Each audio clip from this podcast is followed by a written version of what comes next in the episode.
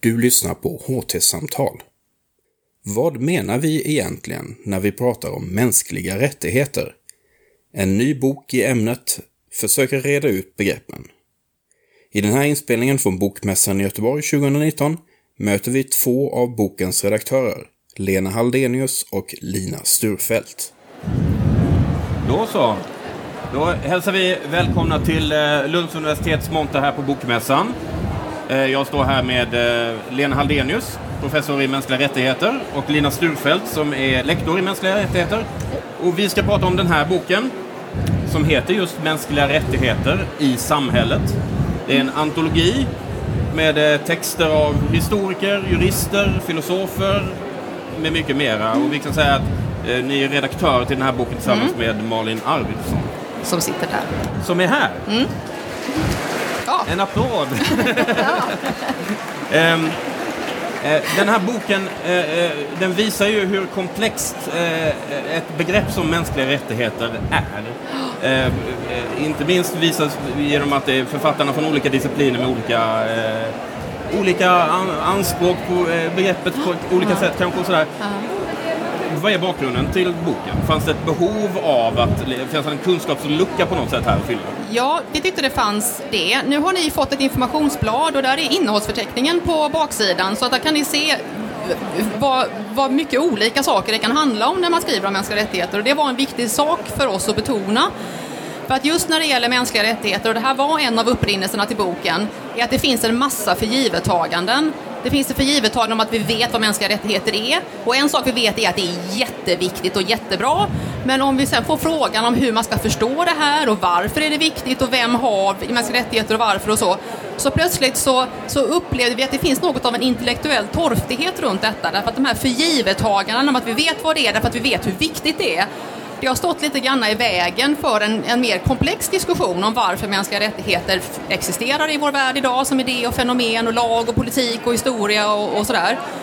Eh, och därför så tyckte vi att det var eh, att det var betydelsefullt så att mänskliga rättigheter inte blir en sån där grej som man antingen tror på eller inte, som om det var någon slags ny form av religion, utan det här är ett värdebegrepp, men det är samtidigt någonting som har tagit sig juridiska uttryck och som alltid pushas liksom längst fram när man ska prata om det som är allra viktigast.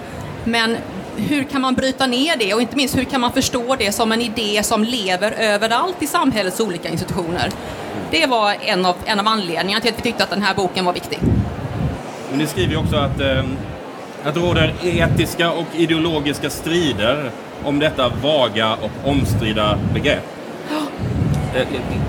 Kan, man, kan man utveckla det på något sätt? Vad, eh, Ja, man kan väl säga att ytterligare ett skäl till att vi ville göra den här boken var också då att vi tycker att mänskliga rättigheter ofta just reduceras till att bli, eh, bara handla om etik eller handla om värdegrund eller liknande och att vi har mer varit intresserade av att se det just som Lena nämnde som ett institutionellt fenomen, hur det fungerar i olika samhällssituationer. Hur används begreppet till exempel i skolan? Finns det exempel på i domstolar, inom humanitära organisationer, FN och så vidare. Mm. Eh, så att det inte fastnar bara i de diskussionerna som handlar om det som, ja, som etik utan också ta det ett steg vidare och se hur används och fungerar mänskliga rättigheter idag lokalt, nationellt, globalt. Just eh, FN då, apropå det. det ja det är väl, tänker jag mig, en ganska vanlig grej att man fokuserar lätt på FNs deklaration om mänskliga rättigheter. Men, ja. och gör, gör, man då ett misstag om man tänker att mänskliga rättigheter det är eh, per definition ett, ett modernt fenomen? Eh, nej, jag tror inte man gör ett misstag om man, om man säger det. Men däremot så är den historien väldigt komplicerad. Men det finns ju också, vi har tidigare sagt här att det finns massa förgivettaganden och ett av dem är att mänskliga rättigheter handlar om etik och människovärde och allting sånt. Men samtidigt som man säger det så finns det ett, ett annat förgivettagande som är att mänskliga rättigheter är samma sak som vad FN säger att mänskliga rättigheter är. Eh, och i det, I det ögonblick som FN har sagt att mänskliga rättigheter är det här, för titta här har vi en konvention som säger det. Varje sådan konvention är ju en politisk förhandlingslösning i ett, i ett visst ögonblick. Men så fort det finns en konvention så upphöjs den genast närmast till någon slags trossats som har evigt liv och evig giltighet och så. Och, och det fenomenet, det är, ju, det, är ju, det är ju modernt. Men idén om att relationen mellan människan och samhället, mellan människan och staten, mellan människans anspråk att inte bli förtryckt. Det är ju en... Det, det, det har ju filosofer tänkt på i alla tider, så att säga. Va? Eh, att det får den här formen, det är däremot, eh, det, det, det är däremot en ganska modern idé. Och just i ditt kapitel redan så skriver du ju just om begreppet, Mm. eh, och det språkliga begreppet lite grann för, om mänskliga Ja. rättigheter. Ja. Och där du kommer in på just eh, FNs deklaration och du problematiserar där eh, antagandet, eh, eller tillskrivningen av mänskliga rättigheter som finns med i deklarationen. Ja. Eh, vad är problematiskt med att eh, människors eh, värde, snedstreck värdighet, beroende på översättningen, Eh, anses bestå av, som det står i deklarationen, förnuft och samvete. Ja, det här är ju också en, en sån här lustig kluvenhet som, som egentligen är jätteintressant att börja liksom, eh, eh, gräva i detta. Att mänskliga rättigheter är någonting som alla människor ska ha enbart i kraft av att de är människor. Samtidigt så säger vi att varför har människor moralisk, den typen av moralisk värdighet som grundar rättigheter? Jo, det är för att de är förnuftiga, empatiska, förmåga att tänka, förmögna att tänka på andra, förmögna att tänka i termer av moral. Och då har vi plötsligt inte så att vi pratar om människor längre, utan vi pratar om människor med vissa förmågor. Är det då de förmågorna som är de viktiga? Så att om man inte har förnuft och samvete, har man inga rättigheter då? Eh, och då risken då är ju att den här figuren som har rättigheter blir någon slags sån här moralisk friskus som är liksom eh, den som klarar av att vara bäraren av allt detta. Och att då de kanske allra mest utsatta människorna eh, faller ur, så att säga. Och det, det är en, eh, en stor problematik som, eh, som väcker på, på allvar får folk att ställa sådana frågor som har små barn rättigheter, de är inte så bra på att tänka än. Har människor med grava eh, kognitiva funktionsnedsättningar rättigheter, de kan ju inte tänka moraliskt. Ja. Det är en fälla. Ja, du skriver att, eh, att historiskt så har den eh, fungerat som en, både eh, en exkluderande men också som i en befriande befrielseredskap i kamp för inkludering. Ja, för till exempel när, när den tidiga kvinnorörelsen, slutet på 1700-talet, började argumentera för att kvinnor också har mänskliga rättigheter, då handlade det väldigt mycket om att argumentera för att kvinnor har just samma moraliska kapaciteter som man alltså måste ha för att vara människa nog, för att kvala in i den här kretsen av moraliska aktörer. Så kampen stod egentligen om det. Inte om rätten att inte bli förtryckt, utan om rätten att räknas som någon som kan tänka. Lina, du skriver ju i ditt kapitel eh, också om eh, hanteringen så att säga eh, av mänskliga rättigheter som begrepp. Fast i ett speciellt fall, nämligen om, om Rädda Barnen, organisationen Rädda Barnen. Eh, vad händer när eh, eh, mänskliga rättigheter skrivs samman med en organisations historia som Rädda Barnen? Kan du säga något om bakgrunden till hur, den, hur det kom? Ja, det man kan se tydligt är ju att just när vi pratat om att mänskliga rättigheter har blivit det allmänna språket mycket för att tala om också många andra frågor om människovärde, demokrati och så vidare. Eh, så det jag gjorde var att titta på hur organisationen själv har berättat sin historia eh, över tid. Eh, så jag jämförde då från 1939 och fram till idag.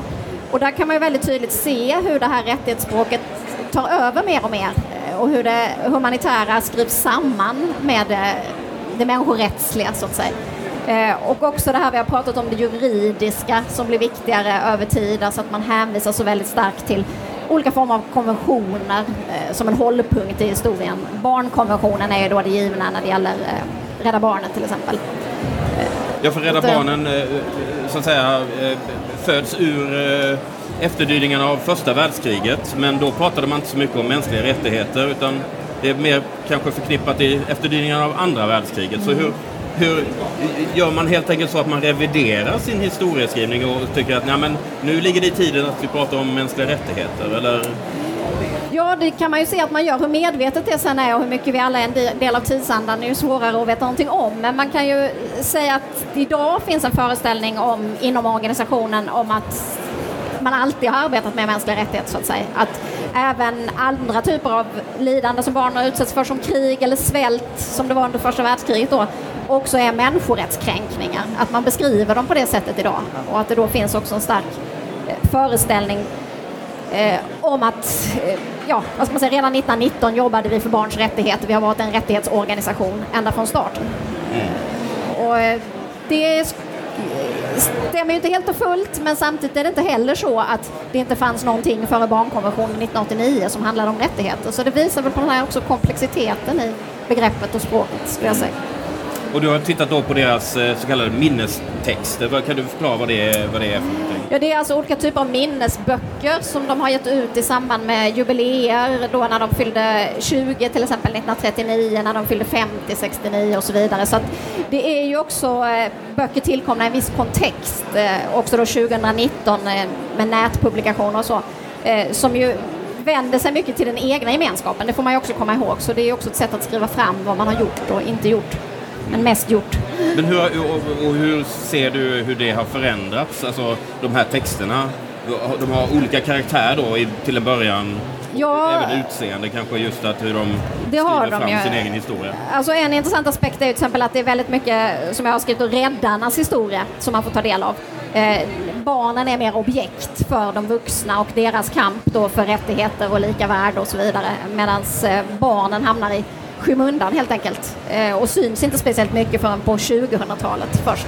Så det är ju en tydlig skillnad till exempel. Det, det är det ju verkligen. Mm. Eh, det, det, tycks finnas en problematik i det här med, eh, och det kommer ni ju in på i boken på flera ställen, att att förverkliga mänskliga rättigheter, vi kan diskutera hur vi definierar det, mm. men att förverkliga mänskliga rättigheter, det handlar om att påverka samhällsinstitutioner och strukturer i rätt riktning. Mm. Samtidigt blir det problematiskt om mänskliga rättigheter, som det står i boken, tillåts bli statsmakternas språk och ja. mått. Det verkar ja. vara en, det, det, är liksom en, en, balansgång eller kamp, eller hur ska vi se det? Ja, det är det. Alltså det en, en av de eh, eh en av de sakerna som gör att den här boken heter Mänskliga rättigheter i samhället är för att vi vill betona detta att, att förverkliga mänskliga rättigheter det gör man inte bara genom att det finns FN-konventioner eller att det finns lagar som ser ut på ett visst sätt. Utan mänskliga rättigheter realiseras i samspelet mellan människor. Det realiseras i hur kommunkontor bemöter människor. Det realiseras i socialtjänsten, i skolan. Eh, alltså det, det handlar om hur, hur hela samhällets organisation bemöter människor. Eh, historiskt också så har ju talet om mänskliga rättigheter har ju varit en slags, det, det, det är en motståndshistoria. Eh, det har ju varit liksom upprorsmakarnas språk. De som gör motstånd mot eh, maktförtryck. Eh, revolutionärernas språk. Och en eh, fascinerande och samtidigt lite knepig grej är att vad som har hänt nu under 1900-talet och inte minst i vår egen tid är att mänskliga rättigheter har blivit maktens sätt att prata om sig själva. Eh, att det är vi som representerar mänskliga rättigheter, inte minst vi här i västvärlden då vi representerar mänskliga rättigheter. Sverige, svenska staten, tror på mänskliga rättigheter. Men någon slags, finns det någon slags grundkärna i detta med mänskliga rättigheter så är det ju att det ska vara ett slags redskap i händerna på de förtryckta. Och om då det här blir liksom maktens sätt att definiera vad man har och inte har rätt att göra anspråk på, då är risken att man vrider det vapnet ur händerna på de som behöver det mest. Ja, jag håller med. Alltså det finns ju en risk, tänker jag, med alla den här typen av begrepp. Man kan ta jämställdhet, demokrati och så vidare, att de liksom älskas ihjäl av också mm. makten på något sätt och blir tandlösa begrepp efterhand. Men då tycker jag dels att det gör det ju ännu viktigare att granska de här begreppen och användningen och liksom den politiska tillämpningen av det just för att få en uppfattning om att hur används det och när och av vem tycker jag blir ännu centralare då. Plus att fortfarande är det ju så som Lena också nämnde att eh, aktivister av olika slag använder ju det här begreppet. Det är ju inte bara maktens begrepp utan det är ju fortfarande i många länder någonting som också är eh, farligt och viktigt att använda sig av. Ja. Därför man kan ju nästan eh, känna kanske en viss uppgivenhet om, om, om mänskliga rättigheter som begrepp blir liksom så urvattnat att det, liksom inte, det betyder allt och ingenting beroende på vem som formulerar ja. dem. Ja, det, är ju, det, är ju, det, finns ju, det finns ju en risk med det. Eh, och sen så tror jag också att, att eh, jag menar, vi, vi står här nu på Bokmässan i Göteborg. Här är det ju fullständigt riskfritt för oss att stå här och prata om mänskliga rättigheter. Eh, och eh, vi kan alla vara överens om eh, jättemånga grundläggande politiska saker, även om vi är oense om vissa grejer. Va? Eh, men det här är ju på riktigt, det får man ju inte heller glömma bort. Och flera av våra kapitel i boken handlar ju också om Eh, kamp för mänskliga rättigheter och mänskliga rättigheter som motståndshandling i olika politiska kontexter. Alla kapitlen i den här boken är, springer ur pågående forskningsprojekt eller av vår undervisning eh, om mänskliga rättigheter. Så här finns ju kapitel som handlar om kvinnorättsaktivister i Kairo, eh, om barnrättsaktivister i Indien och om människorättsaktivister som tar striden mot militärt våld i Thailand. Eh, så att allt det här, det här, är, det här är ju på riktigt också. Det finns en intellektuell diskussion om vad menar vi med mänskliga rättigheter och allting sånt. Men eh, det, här är ju en, det här är ju fortfarande en strid på, på, på riktigt, så det måste man ju komma ihåg samtidigt. Det här intellektuella finsmuleriet har ju en verklighet och det är därför som den är viktig att föra. Eh, boken heter alltså Mänskliga rättigheter i samhället. Lina och Lena, tack så mycket för att ni kom hit. Tack så mycket. Tack för att vi fick komma.